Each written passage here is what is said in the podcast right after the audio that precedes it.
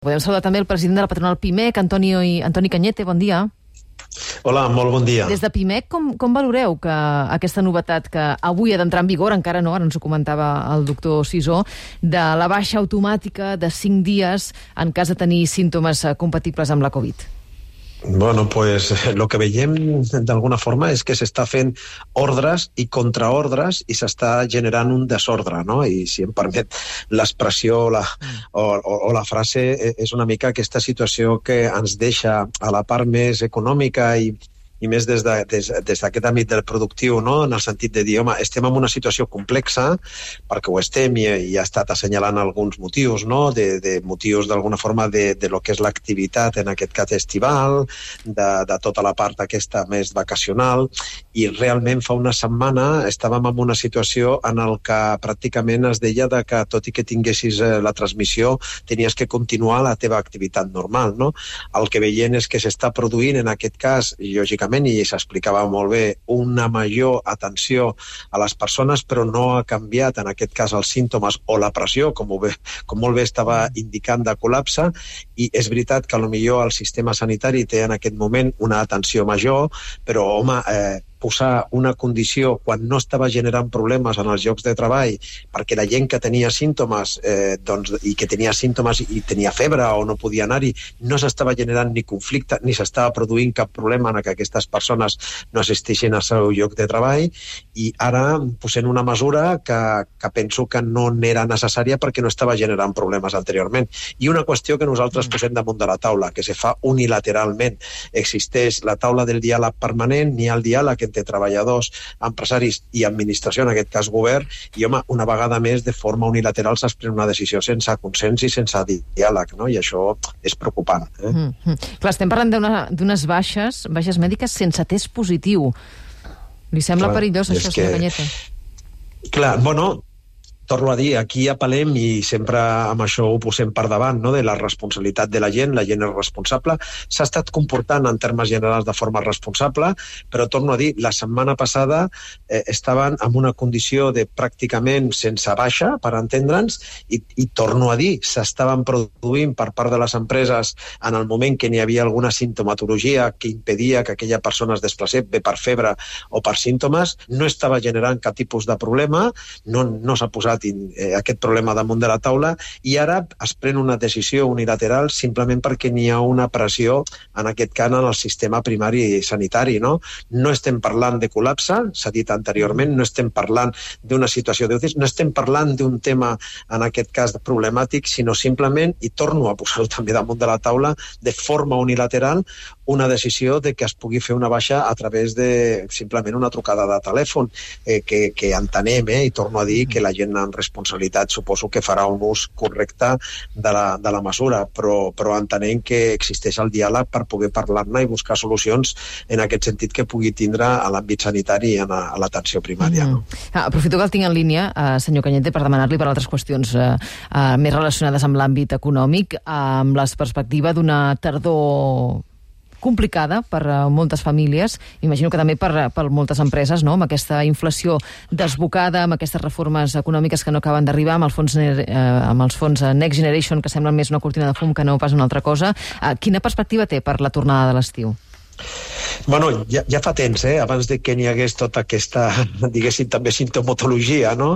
que l'economia ens comença a donar, nosaltres veníem advertint que n'hi hauria una confluència de factors que farien o que es tindrien que fer que prenen decisions. N'hi ha una que ens hem de gravar tots en la ment com una qüestió importantíssima, que és contenir la inflació perquè ens van moltes coses eh, en tindre una inflació tan alta. No? I per tant hauria de ser la primera eh, obsessió governamental econòmica i social, contenir la inflació perquè la inflació és la que ens està pressionant en deixar les famílies amb menys liquidesa i, a més a més, a les empreses eh, també amb qüestions d'inviabilitat i de competitivitat molt, molt complexa. No? Per tant, primer missatge és la inflació hauria de ser la prioritat per poder-la contenir.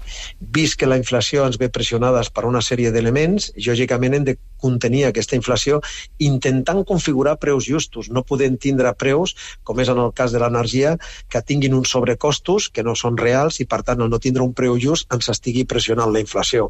Per tant, mesures que vinguin, en aquest cas, a contenir aquesta situació. I a partir d'aquí, jo penso que eh, estem parlant i s'està posant damunt de la taula eh, d'un pacte de rendes. Mm. La paraula no fa la cosa, però jo crec que nosaltres, i l'altre dia ho deia en el meu discurs dels nostres premis, no? com una qüestió solemne, no?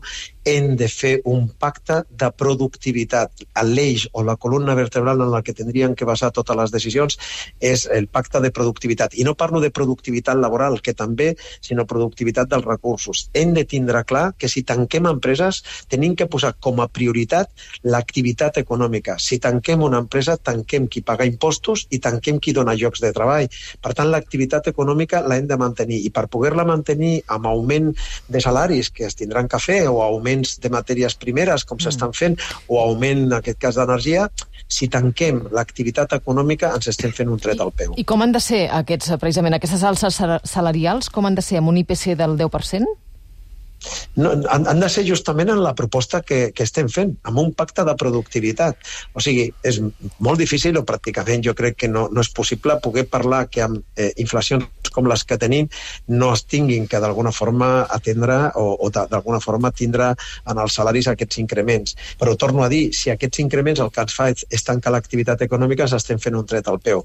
Què és el que posem damunt de la taula? No indexar-lo amb l'IPC, sinó indexar-lo realment a la productivitat. Paguem els salaris més alts que puguem pagar sempre i quan no tinguem que tancar aquesta activitat econòmica. I, i és una qüestió de veure que el, la situació que s'està produint no és una causa única, sinó que n'hi ha tota una sèrie de factors que hem de posar damunt de la taula per poder contenir. Torno a dir, mm. la inflació és la que ens està, mai millor dit, inflacionant tota aquesta situació. Per tant, no? en funció de cada empresa, pel que entenc, senyor Canyete, aniria aquest pacte de és productivitat. Que és que, miri, eh, és que eh, n'hi ha, ha solucions que es poden prendre, abans ho deia, aquí s'està produint una situació molt clara i és que no es pot traslladar aquestes pujades que s'estan produint a preus. No, no. Hi ha moltes empreses, sobretot quan tu ets una petita empresa o ets un autònom, estàs patint realment aquesta situació que es pugui patir també amb l'àmbit que pugui ser més familiar, no? a la dimensió que sigui de l'empresa. I tu moltes vegades el que no pots traslladar és aquesta inflació que tens amb els preus. I això què vol dir? Vol dir que, com passa d'alguna forma en les famílies, si tu tens increments de costos que no pots traslladar a preus, el que estàs perdent és liquidesa a l'empresa o marges, i això arriba un moment que entres a pèrdues. Jo, jo, jo li poso un exemple perquè els, els que ens estan seguint puguin entendre, no? Tenim, i podria posar molts, no? però tenim una empresa de 5 milions de facturació que fa pintura per, per vehicles, que no pot traslladar-lo perquè els seus preus estan absolutament condicionants quan treballes en la cadena de l'automoció, en el que eh, fa un any tenia a, a 30.000 euros de factura de la llum, factura 5 milions i ara té per la, el mateix consum 100.000 euros, o sigui, té 70%, 70.000 euros més al mes de sobrecost mm -hmm. en el tema simplement de l'energia.